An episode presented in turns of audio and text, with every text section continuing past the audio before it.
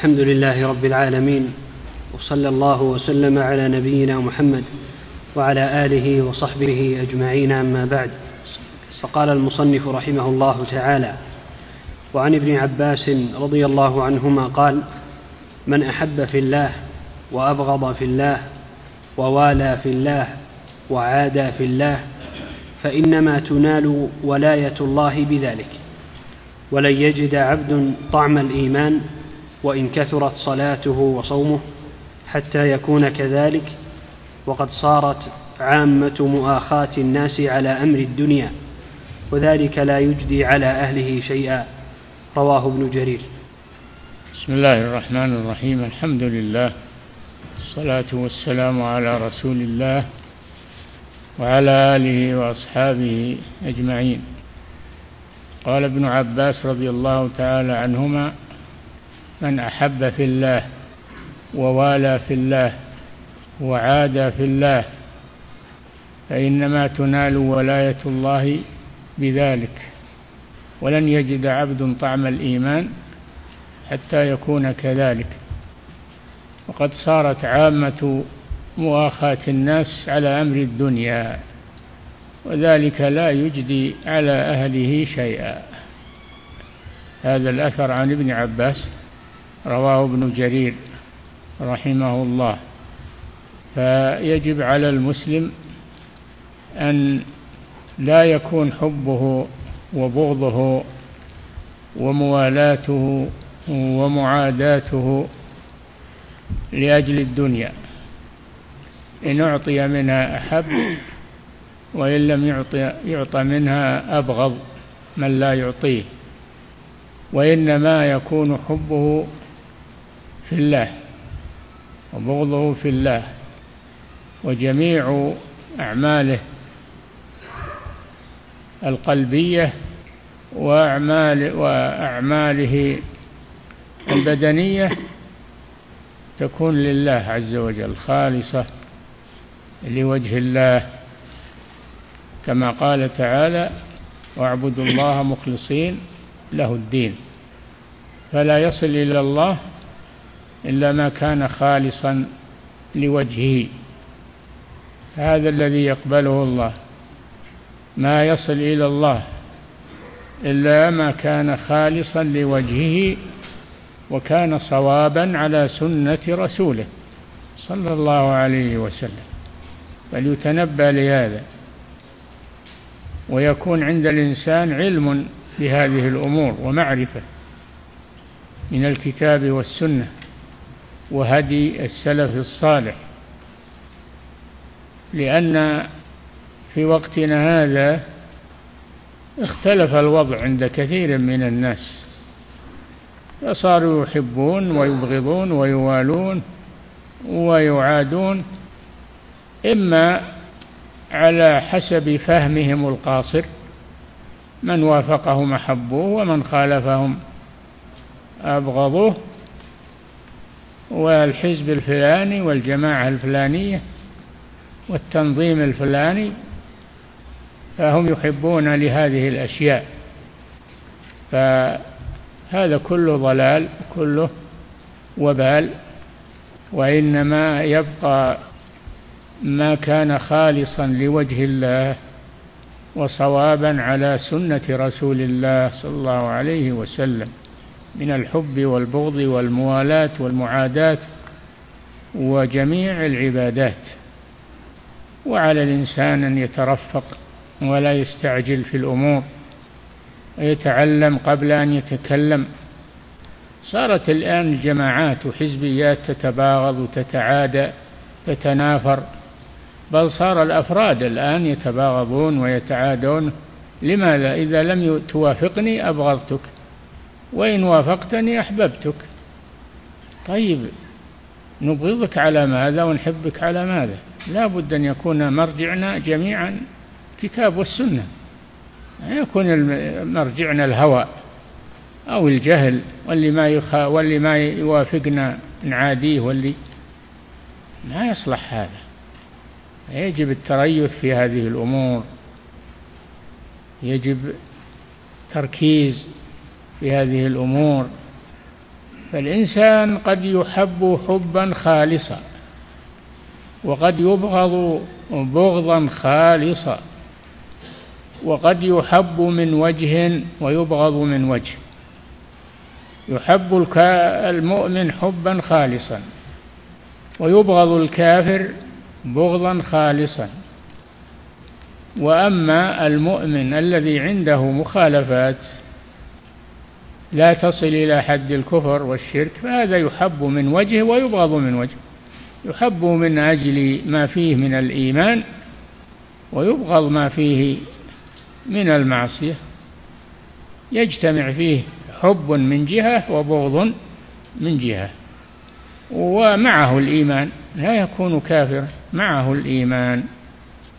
فهو مؤمن ما يعزل ويخلى مع الكفار ويخلى مع هو مؤمن بما عنده من الإيمان.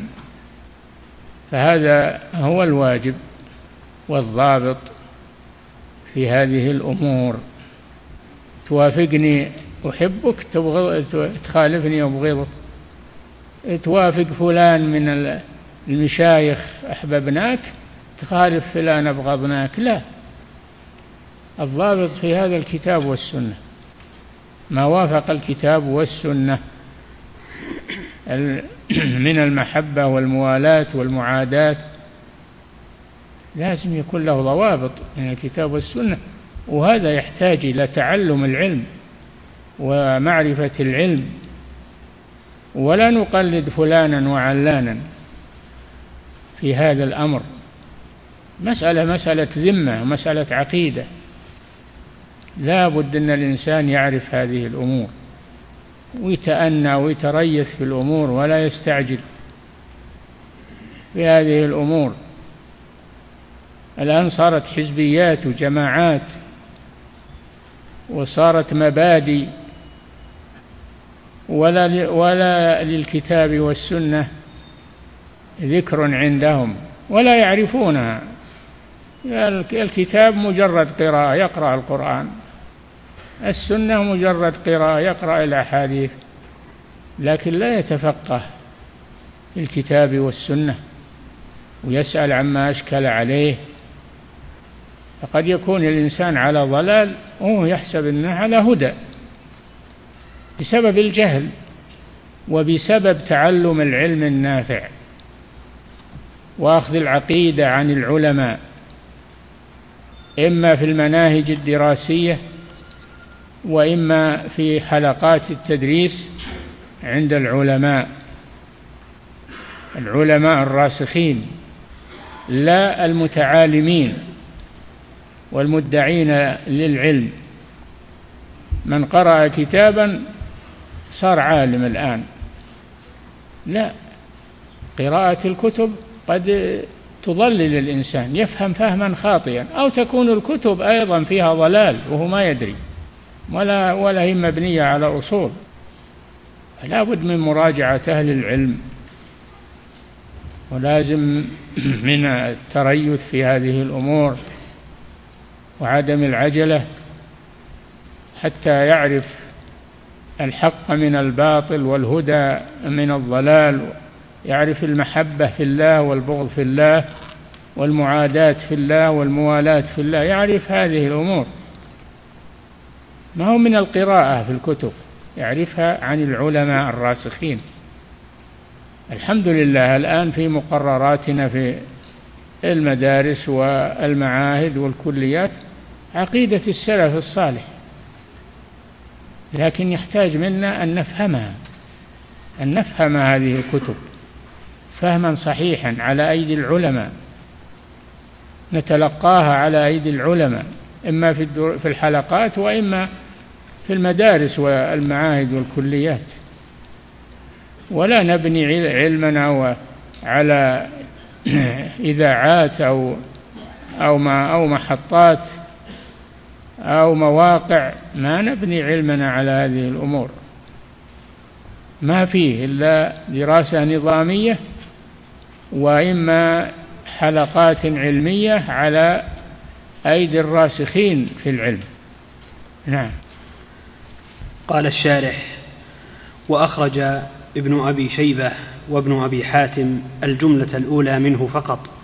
نعم. قوله ومن أحب في الله أي أحب أهل الإيمان بالله وطاعته من أجل ذلك. يحبهم من أجل ذلك من أجل ما هو من أجل طمع الدنيا أو الصداقة وإنما من أجل أنهم يحبون الله ورسوله. ويبغضون أعداء الله ورسوله. جيء برجل يسكر في زمن الرسول صلى الله عليه وسلم. يشرب الخمر ويسكر. فيضرب عند الرسول صلى الله عليه وسلم بالأيدي وبالثياب وب يضرب فقال رجل من الحاضرين لعنه الله. ما أكثر ما يؤتى به. قال النبي صلى الله عليه وسلم لا تلعنه فإنه يحب الله ورسوله. فإنه يحب الله ورسوله. ولو كان إنه إنه يسكر أو هذه معاصي. لكن العقيدة سليمة. يغلبه الشهوة يغلبه الشيطان يغلبه جلساء السوء فيقع في المعصية. والمهم العقيدة هل هي صحيحة ولا لا؟ أما الذنب يتوب منه. إذا عرف خطأه فإنه يتوب. ما أنا معصوم إلا الرسول صلى الله عليه وسلم. يذنب الإنسان يذنب ويتوب. يذنب إما بجهل وإما بشهوة لكن يتوب. قال صلى الله عليه وسلم كلكم خطاء. وخير الخطائين التوابون. نعم. قوله وأبغض في الله أي أبغض من كفر بالله وأشرك به. أي نعم ما أبغض من أجل طمع الدنيا أو من أجل أو من أجل حزازات بينهم أو أنه أخطأ في حقك. لا تبغضه من أجل ذلك. هو أخوك المسلم. تحبه في الله. نعم. أي أبغض من كفر بالله وأشرك به وفسق عن طاعته لأجل ما فعلوه مما يسخط الله.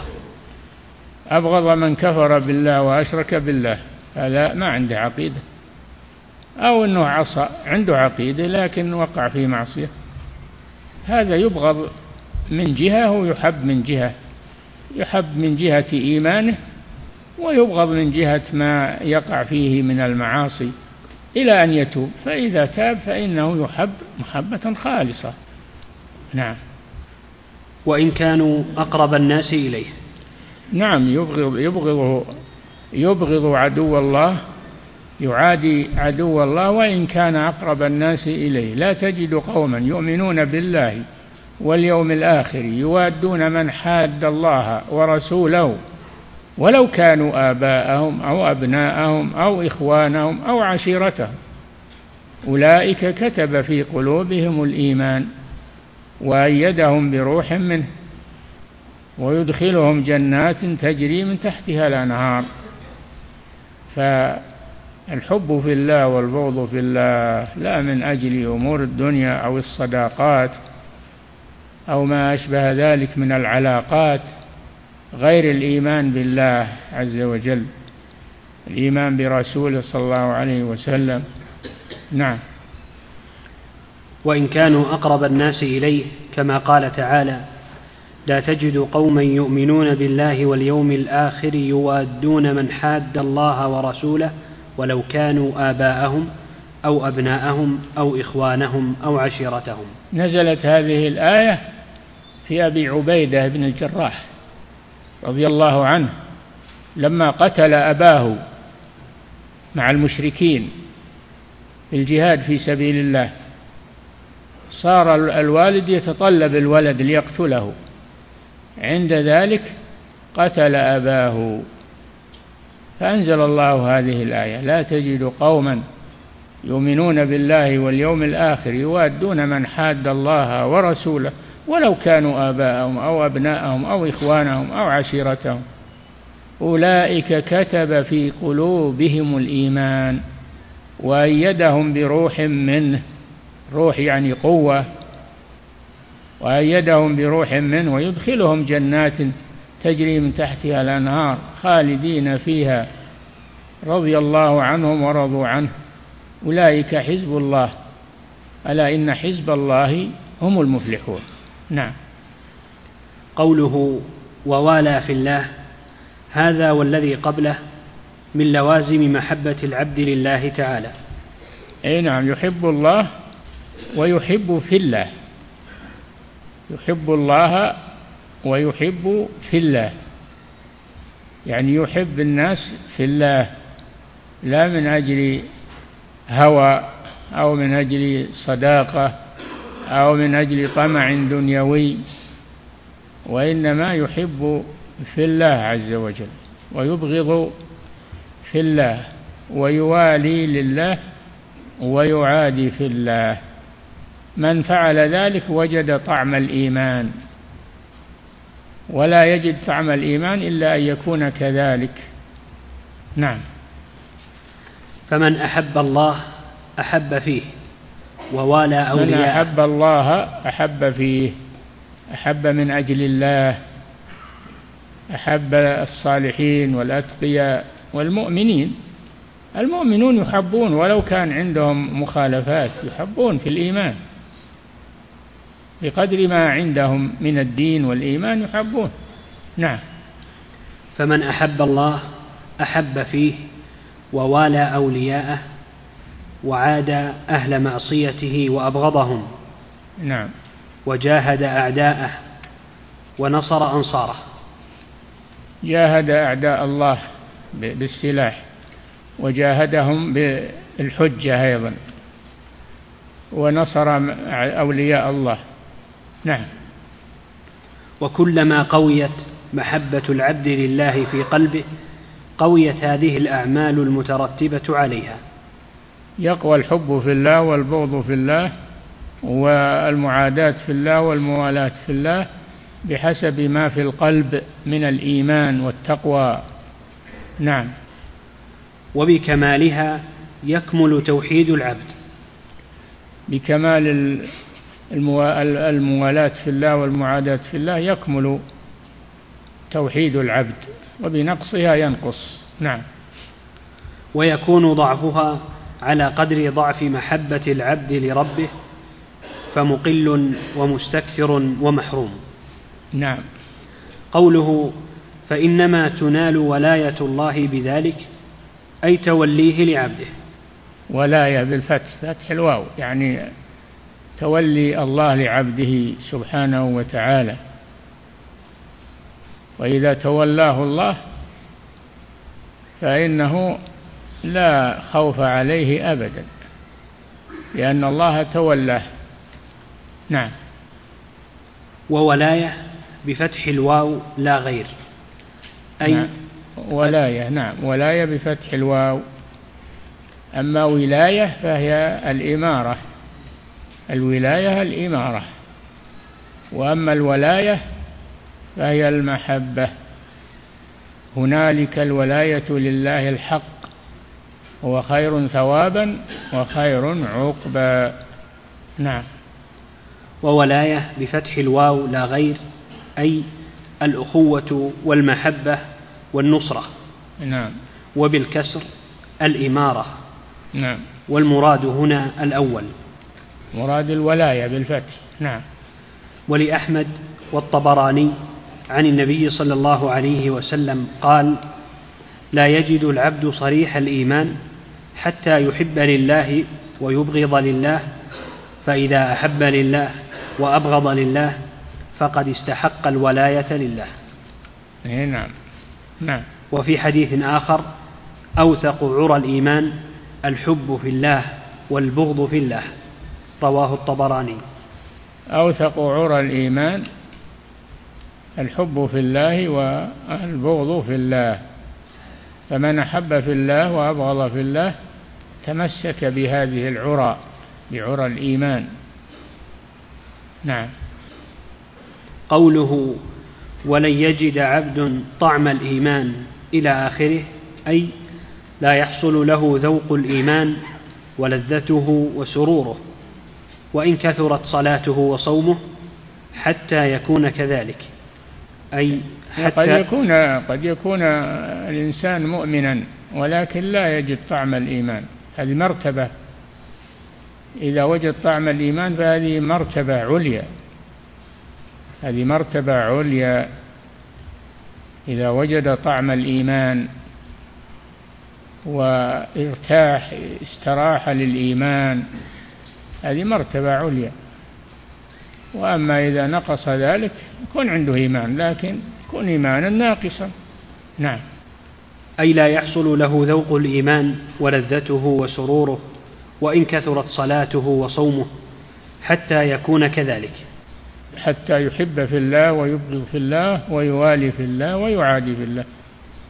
ما يجد ما يجد الولاية لله إلا من اتصف بهذه الصفات الأربع.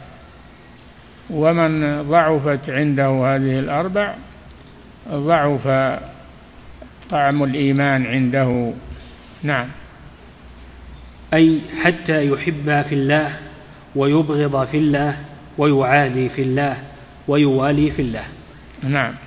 وفي حديث أبي أمامة مرفوعا من أحب لله وأبغض لله وأعطى لله ومنع لله فقد استكمل الإيمان رواه أبو داود. نعم كالذي قبله. نعم. قوله وقد صارت عامة مؤاخاة الناس على أمر الدنيا وذلك لا يجدي على أهله شيئا أي لا ينفعهم بل يضرهم. كما نعم. قال تعالى نعم إذا كانت المؤاخاة والمحبة لأجل الدنيا فهذه محبة لا تجدي على صاحبها شيئا. هذه لا تجدي وهذه تذهب مع الدنيا. إن أعطي رضي وإن لم يعطى لم يرضى. ومنهم من يلمزك في الصدقات فإن أعطوا منها رضوا وإن لم يعطوا إذا هم يسخطون. فهذا شأن المنافقين.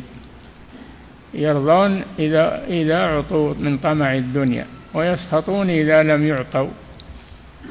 وليس في قلوبهم إيمان صادق. نعم. أي لا, أي لا ينفعهم بل يضرهم. النبي صلى الله عليه وسلم كان يوزع الغنائم ويعطي بعض الناس ويحرم بعضهم.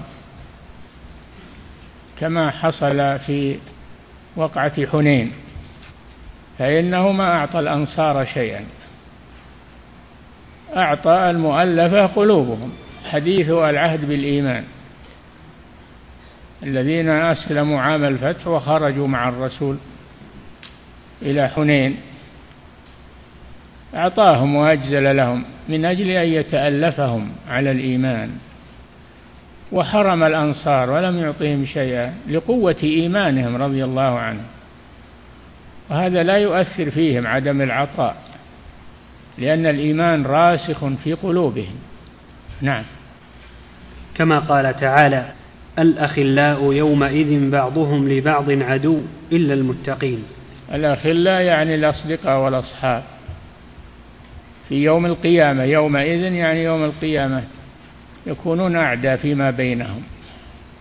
إذا كانت محبتهم في الدنيا لغير الإيمان وإنما هي لأجل أطماع الدنيا وملذاتها وأهوائها يكونون أعداء يوم القيامة. الأخلاء يومئذ يعني يوم القيامة. الأخلاء يومئذ بعضهم لبعض عدو. إلا المتقين فإنها تبقى مودتهم فيما بينهم إخوانا على سرر متقابلين. هذه عاقبة أهل الإيمان. نعم.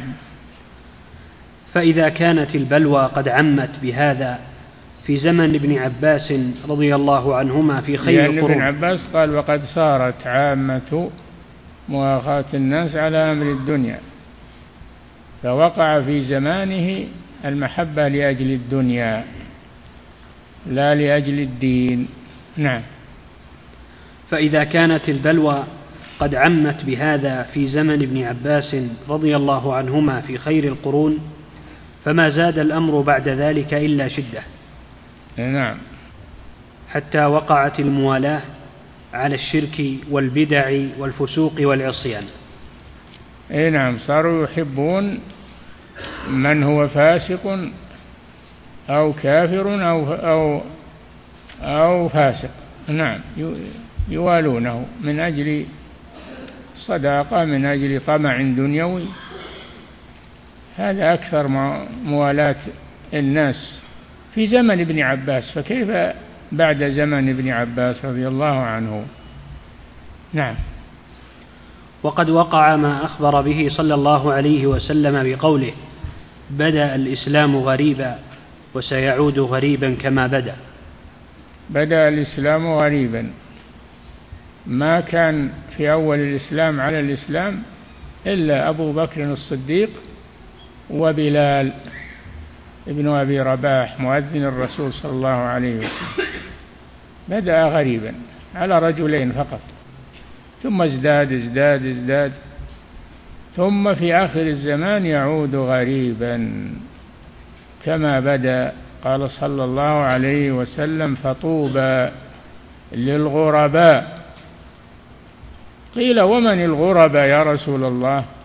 قال الذين يصلحون إذا فسد الناس. وفي رواية الذين يصلحون ما أفسد الناس. هؤلاء هم الغرباء في آخر الزمان. طوبى لهم. يعني الجنة. طوبى هي الجنة. نعم. وقد كان الصحابة رضي الله عنهم في عهد نبيهم صلى الله عليه وسلم وعهد أبي بكر وعمر رضي الله عنهما يؤثر بعضهم بعضا على نفسه محبة في الله وتقربا إليه كما قال تعالى في عهد النبي صلى الله عليه وسلم وفي عهد أبي بكر يعني خلافة أبي بكر وعهد عمر يعني في خلافة عمر. نعم. كما قال تعالى ويؤثرون على أنفسهم ولو كان بهم خصاصة. أي نعم هذا في وصف في وصف الأنصار. في وصف الأنصار. والذين تبوأوا الدار والإيمان يعني المدينة. من قبلهم يحبون من هاجر إليهم ولا يجدون في صدورهم حاجة مما أوتوا مما أوتي أخوانهم ويؤثرون على أنفسهم. ولو كان بهم خصاصة يعني حاجة وجوع يؤثرون على أنفسهم. كما قال جل وعلا ويطعمون الطعام على حبه مسكينا ويتيما وأسيرا. إنما نطعمكم لوجه الله لا نريد منكم جزاء ولا شكورا. يؤثرون على أنفسهم وهم جياع فيهم خصاصة يعني جوع. نعم. وعن ابن عمر رضي الله عنهما قال لقد رأيتنا على عهد رسول الله صلى الله عليه وسلم. قال؟ قال ابن عمر نعم. رضي الله عنهما لقد رأيتنا على عهد رسول الله صلى الله عليه وسلم وما منا أحد يرى أنه أحق بديناره ودرهمه من أخيه المسلم. رواه ابن ماجه. ما آه، يرى أحق بديناره ودرهمه من أخيه المسلم ساعده به ويؤثره على نفسه. هذا هو الإيمان. نعم. قال المصنف رحمه الله تعالى وقال ابن عباس رضي الله عنهما في قوله تعالى وتقطعت بهم الأسباب قال المودة. نعم.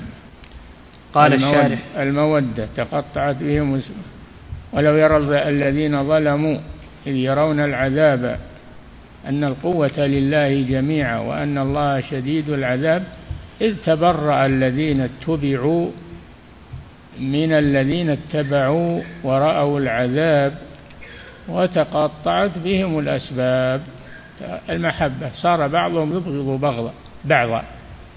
كما قال تعالى الأخلاء يومئذ بعضهم لبعض عدو. نعم.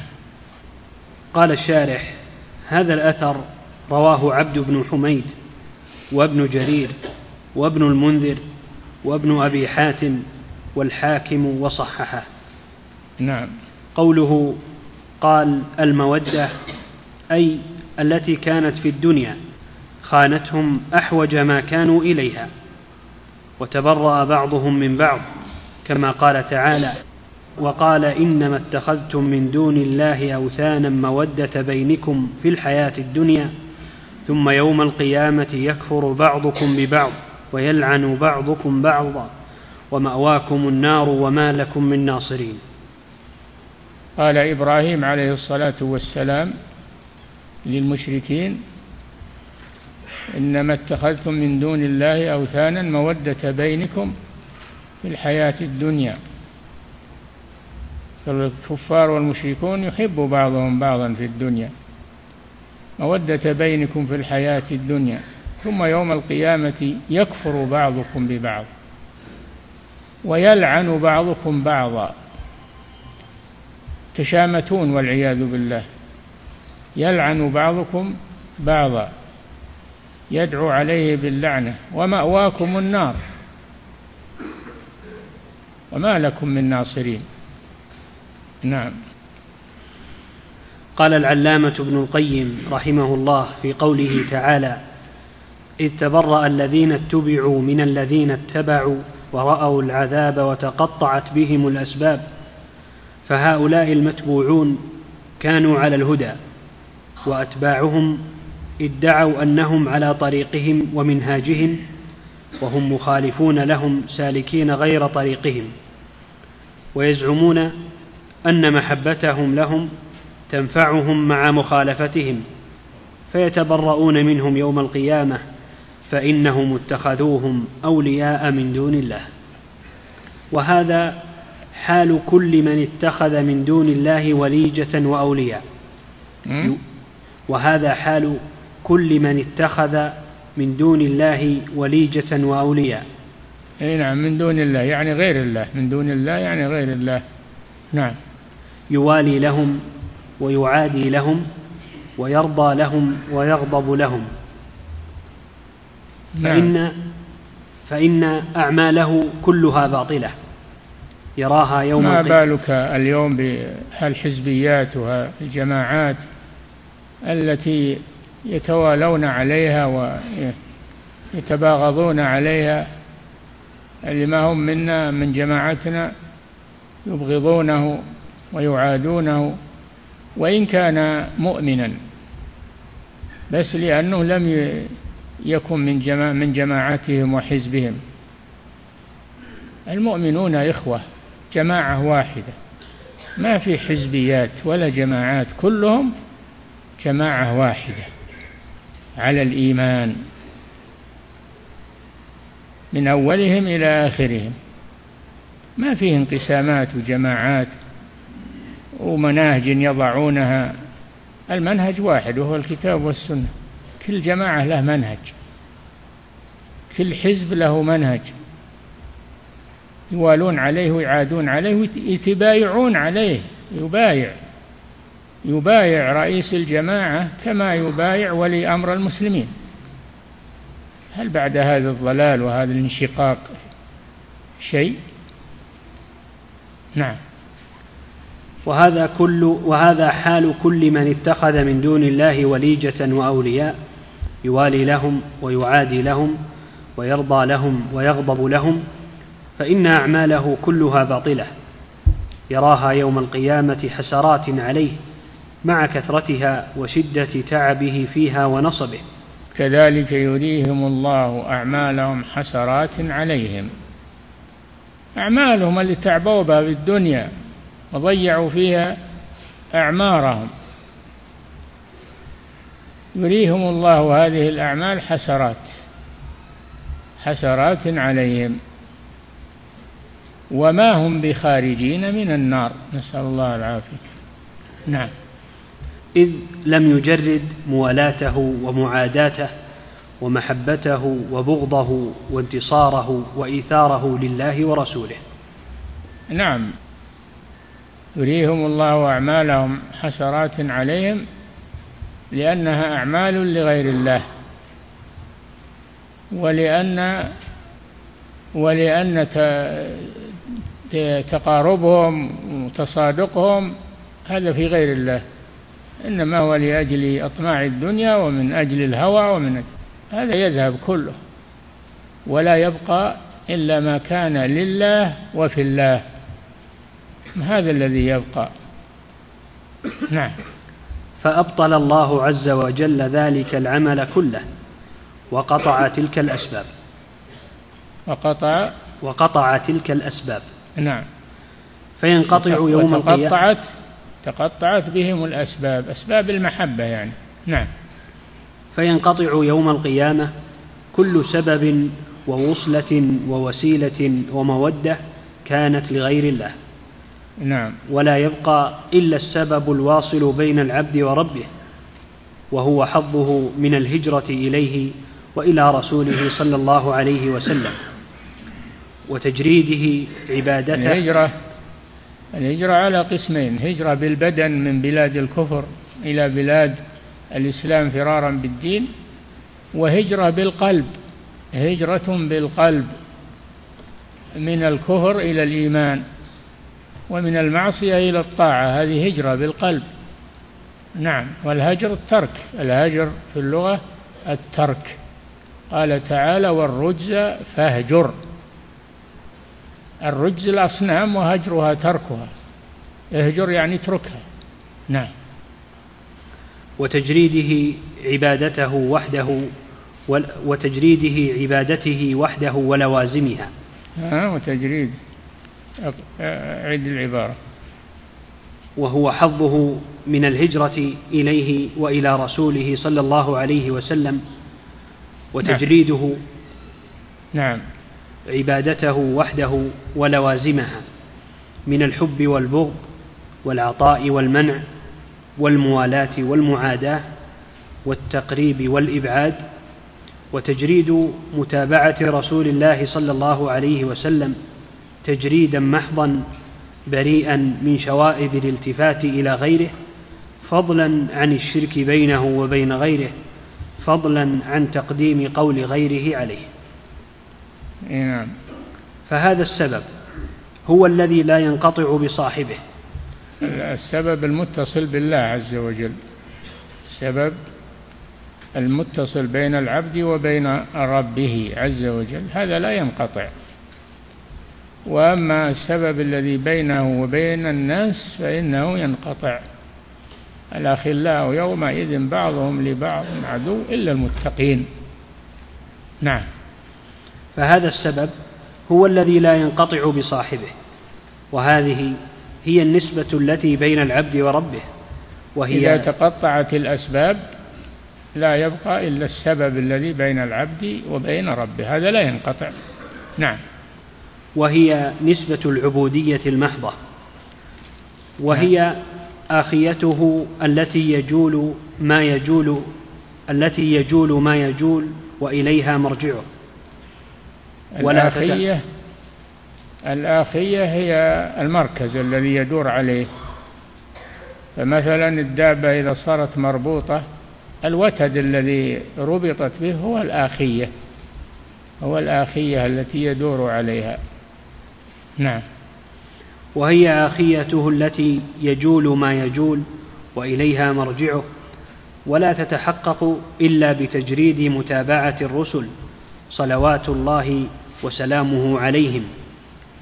إذ هذه العبودية إنما جاءت على ألسنتهم وما عرفت إلا بهم ولا سبيل إليها إلا بمتابعتهم. نعم هذه العبودية لله ما جاءت إلا على يد الرسل عليهم الصلاة والسلام. ما جاءت بالذوق وكما تقول الصوفية الذوق وغير ذلك من مصطلحاتهم. لا إنما جاءت بالسير على منهج الله ومنهج رسوله صلى الله عليه وسلم تمسك بكتاب الله وسنة رسوله صلى الله عليه وسلم. نعم. وقد قال تعالى وقدمنا إلى ما عملوا من عمل فجعلناه هباء منثورا. قال الله جل وعلا في شأن المشركين والكفار والمنافقين وقدمنا إلى ما عملوا من عمل من عمل أي عمل؟ فجعلناه هباء منثورا. فكل عمل لا يؤسس على كتاب الله وسنة رسوله فإنه يكون كذلك يكون هباء منثورا يوم القيامة. وإن كان صاحبه أتعب نفسه فيه وقضى حياته فيه يصير هباء مثل الهباء اللي تشوفونه بالجو الذرات الذرات التي تطير مع الهواء. هذا هذا عمل أهل الكفر والشرك والنفاق. تكون أعمالهم هباء. أتعبوا أنفسهم فيها في الدنيا. عند الحاجة إليها طارت صارت هباء منثورا لا تنفعه نعم. فهذه هي الأعمال التي كانت في الدنيا على غير سنة رسله وطريقتهم ولغير وجهه يجعلها الله هباء منثورا. ولاة الصوفية يقولون ما لنا بحاجة للرسل حنا عرفنا وصلنا إلى الله ولسنا بحاجة إلى الرسل. تعالى الله عما يقولون. ما أحد يستغني عن الرسل أبدا. ولولا أن الله أرسل الرسل ما حصل هذا الدين وهذا الخير وهذا التوحيد وهذه العقيدة الصحيحة. هذه ما عرفت إلا عن الرسل عليهم الصلاة والسلام من آدم إلى محمد صلى الله عليه وسلم. كلهم على الجادة هذه. نعم. فهذه هي الأعمال التي كانت في الدنيا على غير سنة رسله وطريقتهم. أي نعم التي الأعمال التي كانت على غير الكتاب والسنة تطير يوم القيامة هباء منثورا ولا تنفع أهلها تحسرون عليها. نعم. فهذه هي الأعمال التي كانت في الدنيا على غير سنة رسله وطريقتهم ولغير وجهه يجعلها الله هباء منثورا لا ينتفع منها صاحبها بشيء أصلا. نعم. وهذا من أعظم الحسرات على العبد يوم القيامة أن يرى سعيه ضائعا وقد سعد أهل السعي النافع بسعيهم انتهى ملخصا. كلام جميل جدا نعم. قال المصنف رحمه الله تعالى فيه مسائل. نعم. الأولى تفسير آية البقرة. نعم تفسير آية البقرة وهي ومن الناس من يتخذ من دون الله. ومن الناس من يتخذ من دون الله أندادا. يعني شركاء لله يحبونهم كحب الله. والذين آمنوا أشد حبا لله. اتخذوا أندادا أي شركاء لله. يحبونهم كحب الله. يحبون الأصنام والأحجار والأشجار. كما يحبون الله عز وجل يشركون في المحبة. هم يحبون الله المشركون يحبون الله. لكن لما أحبوا معه غيره من هذه الأصنام وهذه الأشجار والأحجار صارت محبتهم باطلة. لا يقبلها الله ولا تنفع أصحابها يوم القيامة. نعم. الثانية تفسير آية براءة. وهي قل إن كان آباؤكم قل إن كان آباؤكم وأبناؤكم وإخوانكم وأزواجكم وعشيرتكم وأموال اقترفتموها تجارة تخشون كسادها ومساكن ترضونها أحب إليكم من الله ورسوله وجهاد في سبيله فتربصوا انتظروا ما يحل بكم. هذه الثمانية الإنسان يحبها وما يلامون على أنهم يحبون هذه الثمانية. لكن يلامون إذا قدموا محبتها على محبة الله ورسوله وجهاد في سبيله.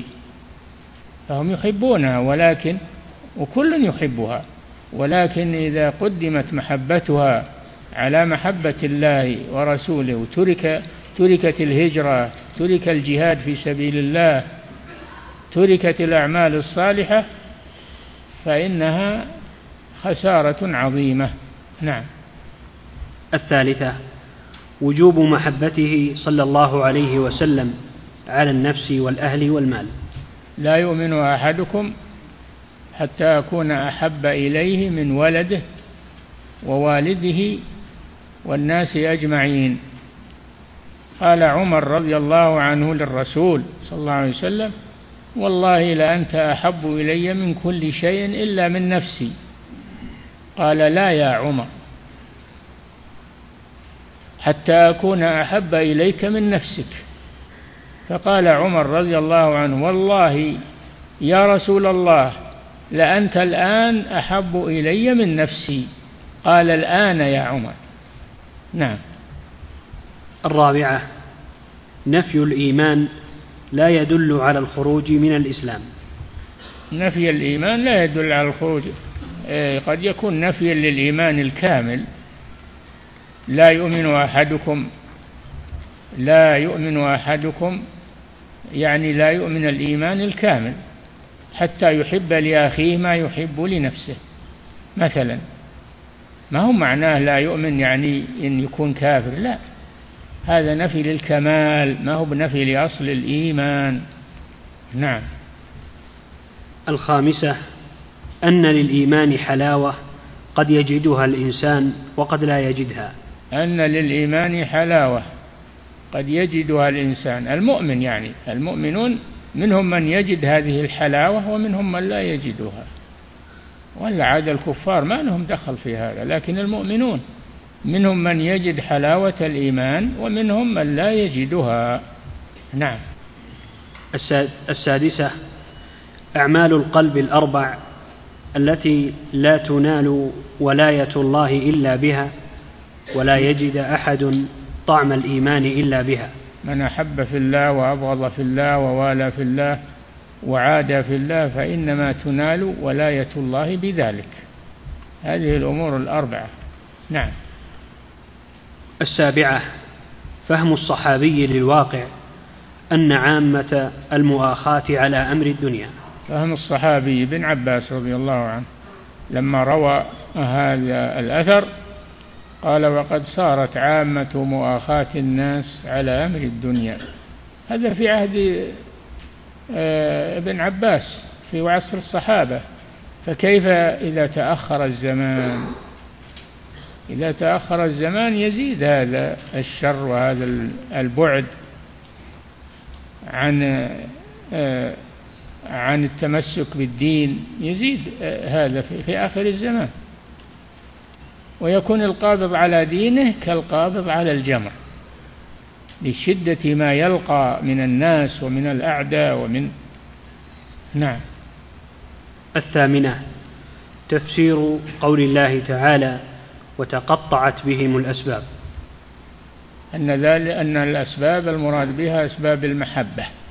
تقطعت بهم الأسباب أي أسباب المحبة. نعم. التاسعة أن من المشركين من يحب الله حبا شديدا. نعم. من المشركين من يحب الله لكن يحب معه غيره. لذلك بطلت محبته لله. ولهذا قال والذين آمنوا أشد حبا لله. أشد حبا لله من محبة المشركين لله. لأن محبة المؤمنين خالصة ومحبة المشركين مشتركة. نعم.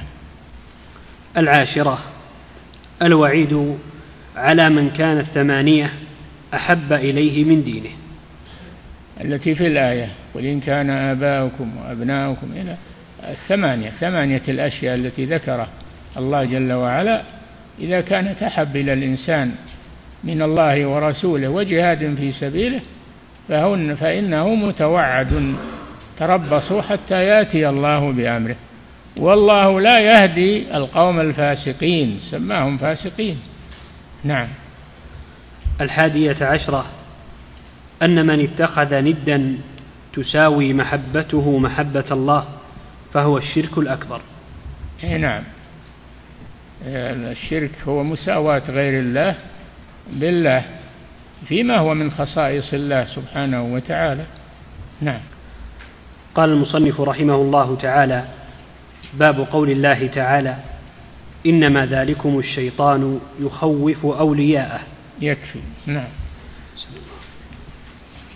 أحسن الله إليكم فضيلة الشيخ هذا سائل يقول كيف السبيل إلى مجاهدة النفس إلى الحب في الله والبغض في الله؟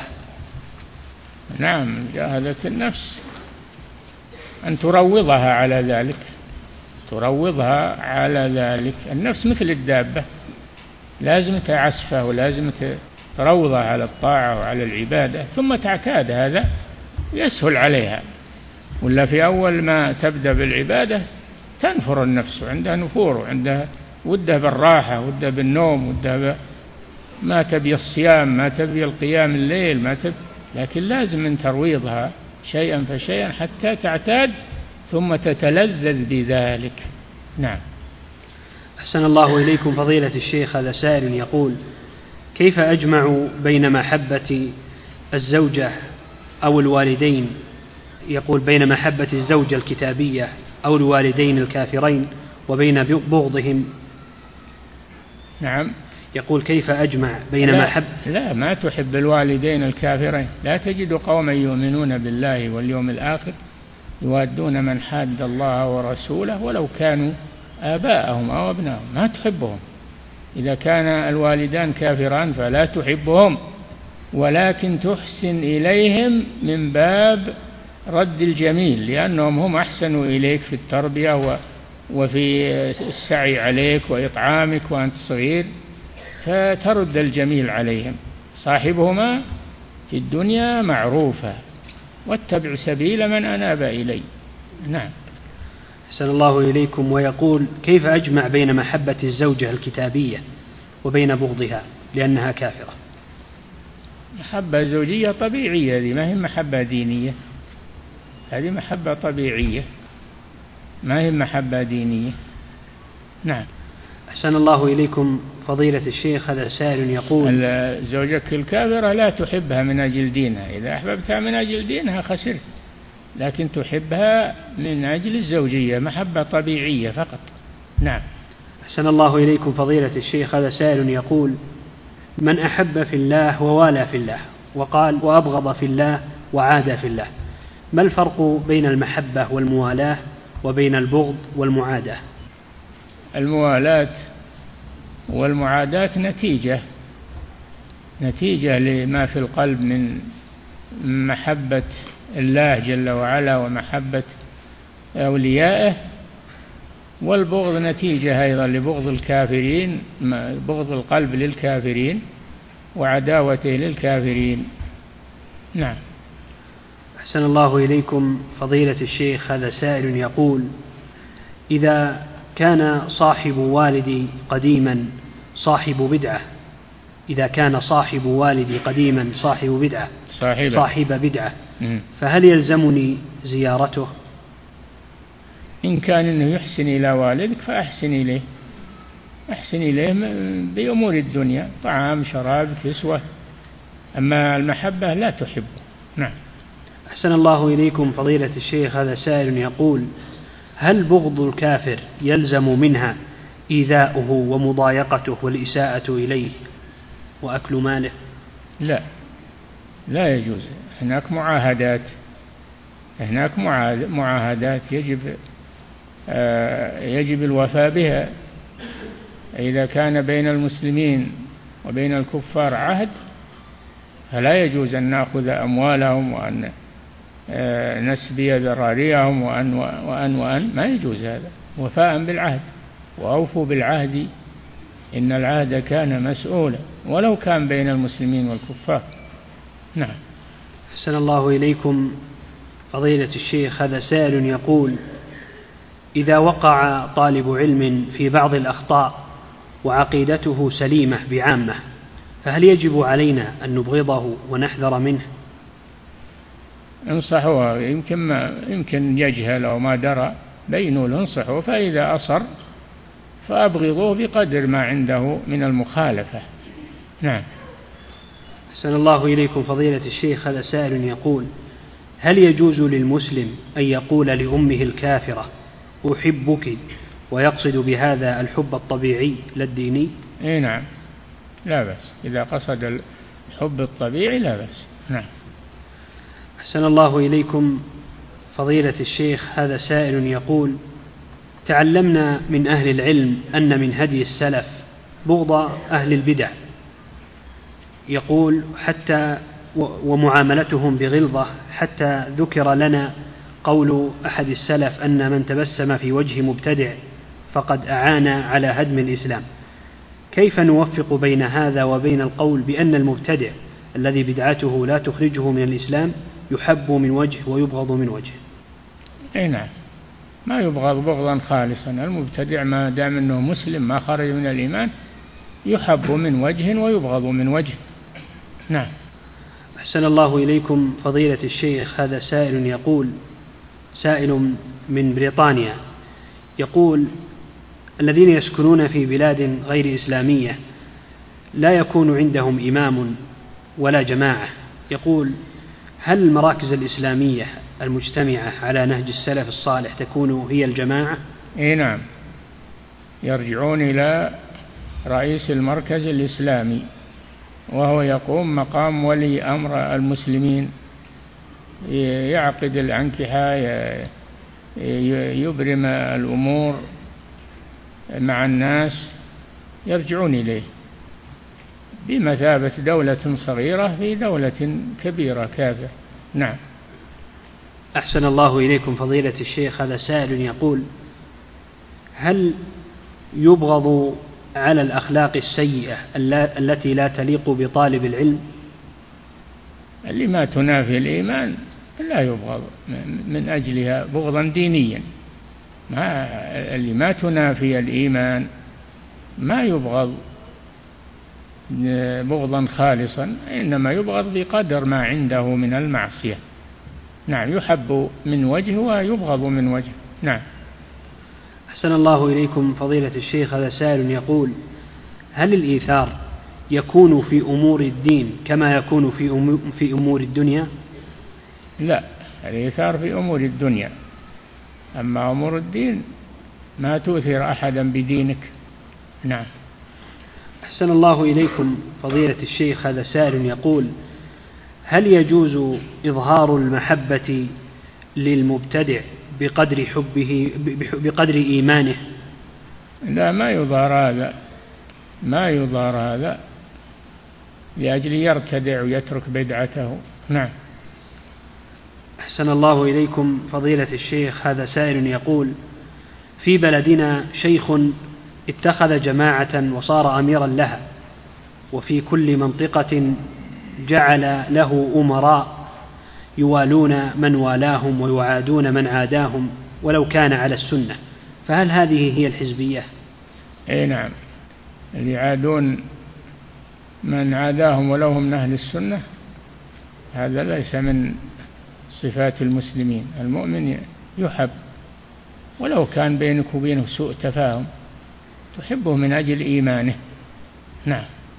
أحسن الله إليكم فضيلة الشيخ هذا سائل يقول هل يؤثر المسلم العاصي؟ إيه؟ يقول هل يؤثر على المسلم العاصي؟ اي نعم ما دام عنده إسلام وأنه لم يخرج من الإسلام واحتاج فإنه يؤثر. تسد حاجته. وربما يكون هذا تاليفا له على التوبة وعلى طلب الكمال في دينه. نعم. أحسن الله إليكم. فضيلة الشيخ هذا سائل يقول هل كان النبي صلى الله عليه وسلم يحب أبا طالب؟ لا المحبة ما يحبه لكن يحب له الهداية. يحب له الهداية. أما محبة ما يحب المسلم لا يحب الكافر. لا تجد قوما يؤمنون بالله واليوم الآخر يوادون من حاد الله ورسوله ولو كانوا آباءهم أو أبناءهم. وأما قوله تعالى إنك لا تهدي من أحببت أي من أحببت هدايته. من أحببت هدايته. لا أنه يحبه وهو كافر. نعم. أحسن الله إليكم فضيلة الشيخ هذا سائل يقول في بلادنا جماعات تقاوم الحكومة ولكن تلك الجماعات كلها باطلة فهل ننشئ جماعة منهجها الكتاب والسنة؟ والله ما نقول لكم انشئوا ما ندري عن الأوضاع وعن أخشى يجر عليكم شر إذا أنشأتم. فإذا سمحت لكم الدولة التي أنتم فيها فلا بأس. نعم. أحسن الله إليكم فضيلة الشيخ هذا سائل يقول هل كانت القدرية موجودة في زمن النبي صلى الله عليه وسلم؟ لأن يقول وهل حديث النبي صلى الله عليه وسلم القدرية مجوس هذه الأمة؟ يقول صحيح. القدرية مجوس هذه الأمة هذا أثر على ألسنة العلماء والسبب في ذلك أن المجوس أثبتوا خالقين النور والظلمة. وأما المعتزلة فأثبتوا خالقين أكثر من خالقين أكثر يعني كل ما كل إنسان يخلق فعل نفسه فهم زادوا على المجوس. نعم. أحسن الله إليكم فضيلة الشيخ. هذا سائل يقول هل خفة اليد من السحر؟ كيف خفة اليد؟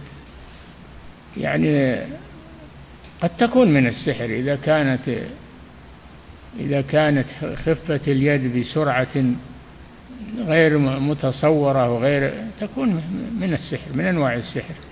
نعم. أحسن الله إليكم فضيلة الشيخ هذا سائل يقول الأذان الثاني هناك من يزعم أن عثمان بن عفان رضي الله عنه ابتدعه فهل قولهم صحيح؟ قول باطل هذا. عثمان من الخلفاء الراشدين رضي الله عنه هو الخليفة الثالث. والنبي صلى الله عليه وسلم قال عليكم بسنتي وسنة الخلفاء الراشدين المهديين من بعدي. أليس منهم عثمان؟ نعم منهم عثمان رضي الله عنه. فسنته وجعله الأذان الثاني هذا من سنة الرسول صلى الله عليه وسلم. نعم. وإنما جعل الأذان الثاني لمصلحة. لما كثر الناس في المدينة وانشغلوا بالمزارع وفي الأسواق والبيع والشراء جعل الأذان الأول تنبيها لهم من أجل أن يستعدوا لصلاة الجمعة. نعم. أحسن الله إليكم فضيلة الشيخ هذا سائل يقول بعض المحتفلين بالمولد النبوي يقولون لماذا يجوز لكم الاحتفال بأسبوع الشيخ محمد بن عبد الوهاب ولا يجوز لنا الاحتفال بمولد الرسول صلى الله عليه وسلم؟ ما احتفلنا بأسبوع الشيخ محمد بن عبد الوهاب؟ من قال هذا؟ إنما طبعت كتبه نشرت كتبه رحمه الله وبينت دعوته شرحت دعوته هذا الذي حصل. نعم. أحسن الله إليكم فضيلة الشيخ هذا سائل يقول هل يجوز التقليد في المسائل العقدية؟ ها؟ يقول هل يجوز التقليد؟ لا التقليد في مسائل الفقه للجاهل. مسائل الفقه للجاهل. قال تعالى فاسألوا أهل الذكر إن كنتم لا تعلمون. وأما العقيدة فليس فيها تقليد. لازم يتعلمها الإنسان من الكتاب والسنة ومنهج السلف الصالح. فيها كتب مقررة مختصرة ومطولة. كتب تبين عقيدة أهل السنة والجماعة. خذ مثلا العقيدة الواسطية. لشيخ الإسلام ابن تيمية عقيدة ضافية ووافية في بيان عقيدة أهل السنة والجماعة وأصولها. نعم. أحسن الله إليكم عقيدة التي تقرؤون الآن عقيدة الإمام الطحاوي هي من هذا. شرحها نعم. أحسن الله إليكم فضيلة الشيخ هذا سائل يقول هل الصوفية ينقسمون إلى غلاة ومتوسطون ومتوسطين؟ الصوفية التصوف كله ضلال لكن بعضه أشد من بعض بعضه أشد من بعض. وإلا كله ضلال لأنه مبتدع. نعم. أحسن الله إليكم فضيلة الشيخ هذا سائل يقول معلوم أن أسماء الله توقيفية فما وجه تعليم الإمام أحمد لبعض أصحابه أن يقول في دعائه يا دليل الحيارى دلني على طريق الصادقين هذا ما شفته هذا أثر يحتاج إلى تخريج ولكن دليل الحيارى يعني هادي. الدليل هو الهادي. والله هو الهادي سبحانه وتعالى. نعم. أحسن الله إليكم فضيلة الشيخ. هذا سائل يقول هل يجوز تكفير الخوارج على ما يفعلونه في حق المسلمين؟ لا ما يكفرون. ما يكفرون ولكن يضللون ويبدعون. نعم. أحسن الله إليكم فضيلة ما كفرهم الصحابة. ما كفروهم وإن كانوا هم كفروا الصحابة لكن الصحابة لا يكفرونهم. نعم. أحسن الله إليكم فضيلة الشيخ هذا سائل يقول أقوم بتخصيص ذكر لكل يوم. كان أجعل يوم السبت للتهليل ويوم الأحد للباقيات الصالحات ويوم الاثنين للاستغفار وهكذا. هذا لا دليل عليه يا أخي. هذا لا دليل عليه هذا التقسيم. نعم الأذكار تكرر في كل يوم ولا تقسم على الأيام. نعم. أحسن الله إليكم فضيلة الشيخ هذا سائل يقول المعية العامة التي لله تقتضي إحاطته بخلقه فهل الإحاطة هنا حسية أم معنوية؟ ما له داعي قولك حسية ولا معنوية. إحاطة يعني أنه يعلم سبحانه. إحاطة علم بما يفعلون وما يقولون. نعم. أحسن الله إليكم فضيلة الشيخ هذا سائل يقول ما المقصود بالجهاد في آية براءة؟ هل هو جهاد الطلب أم جهاد الدفع؟ أي آية؟ نعم. قل إن كان آباءكم هذا ما هذا ما هو بجهاد هذا هذا تقديم هذه المحاب على ما يحبه الله عز وجل. هذه يحبها الإنسان ولا يلام أنه يحبها لكن إذا قدمها على محبة الله فإنه يلام. نعم. أحسن الله إليكم فضيلة الشيخ. هذا سائل يقول ما حكم ما يسمى بإحياء الآثار؟ لا يحيى إلا آثار الرسول صلى الله عليه وسلم. الأحاديث الآثار هي الأحاديث الثابتة عن الرسول صلى الله عليه وسلم والحديث يسمى علم الأثر. علم الأثر هو والآثار النبوية يعني الأحاديث الثابتة عنه صلى الله عليه وسلم. أما متابعة الأمكنة والبقاع فهذا لم يكن من هدي السلف ولا من عمل السلف ولا خير فيه أيضا لأنه يحدث البدع والمحدثات والتعلق بهذه الأمكنة والتبرك بها فلا يجوز هذا. نعم. أحسن الله إليكم فضيلة الشيخ هذا سائل يقول ما رأيكم بقول نحن نحب الله لذاته لا طمعا في جنته ولا خوفا من ناره؟ هذا قول الصوفية قول غلاة الصوفية وهذا باطل. نحب الله جل وعلا لذاته ونحبه لنعمه.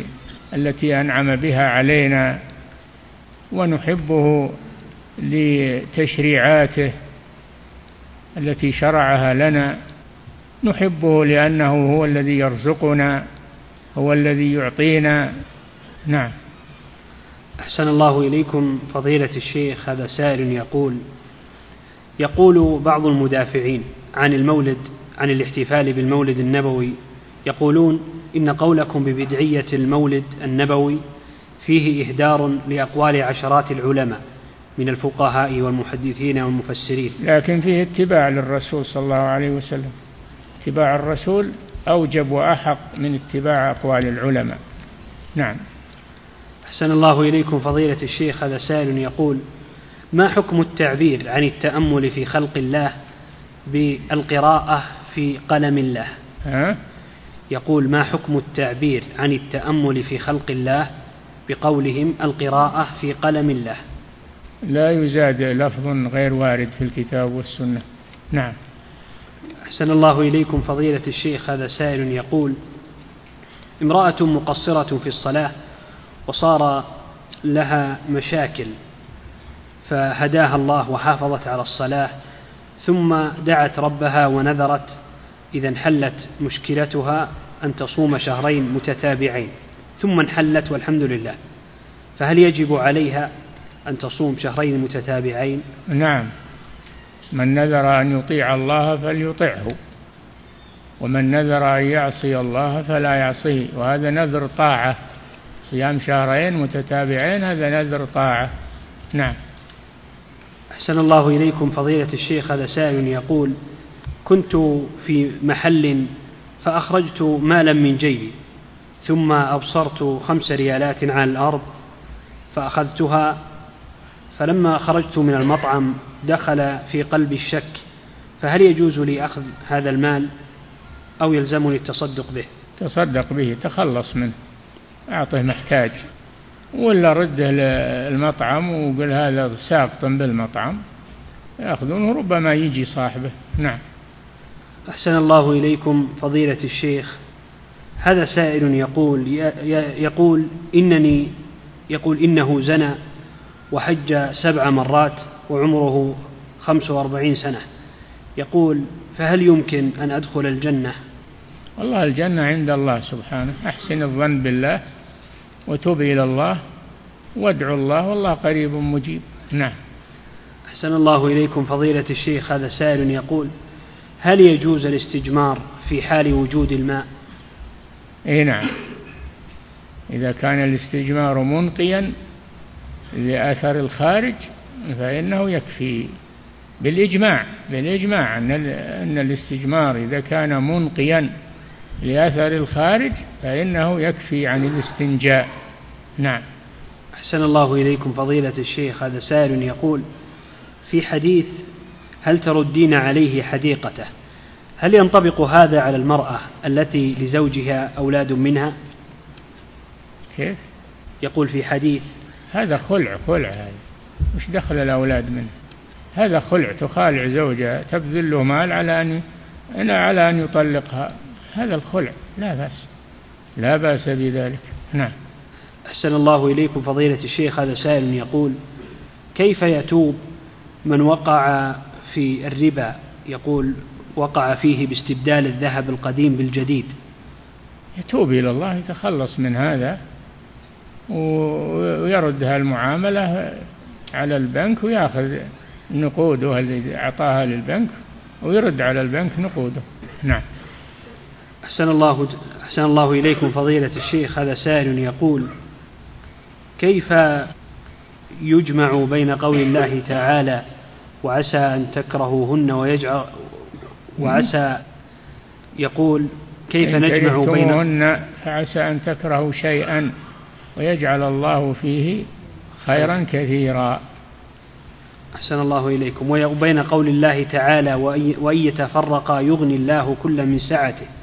السؤال يقول إذا كنت لا أجد استقرارا مع زوجته. ها؟ يقول إذا كان لا يجد استقرارا مع زوجته. كيف يوفق بين هذه الآيتين؟ ما بين الآيتين اختلاف يا أخي. إذا كنت ما تجد مع زوجتك استقرار وراحة طلقها. وإن يتفرقا يغني الله كلا من سعته. كان الله واسعا حكيما. نعم. أحسن الله إليكم فضيلة الشيخ. هذا سائل يقول هل قطرة العين تفطر؟ اي نعم. إذا وصلت إلى الحلق لأنه سائل سائل يجد طعمه في حلقه فلا يتناولها بالنهار إنما يتناولها بالليل. نعم. أحسن الله إليكم فضيلة الشيخ هذا سائل يقول ما حكم صلاة الوتر بعد طلوع الفجر؟ لا يخليه لما ارتفاع الشمس. خليه بعد ارتفاع الشمس. نعم. أحسن الله إليكم فضيلة الشيخ هذا سائل يقول من استيقظ يقول فاتته صلاة الفجر واستيقظ أثناء شروق الشمس. هل يصلي مباشرة أو ينتظر حتى ترتفع الشمس؟ يصليها إذا ذكرها. فيصليها يصليها إذا ذكرها في أي وقت. نعم. ولو عند طلوع الشمس. نعم. انتهى. والله تعالى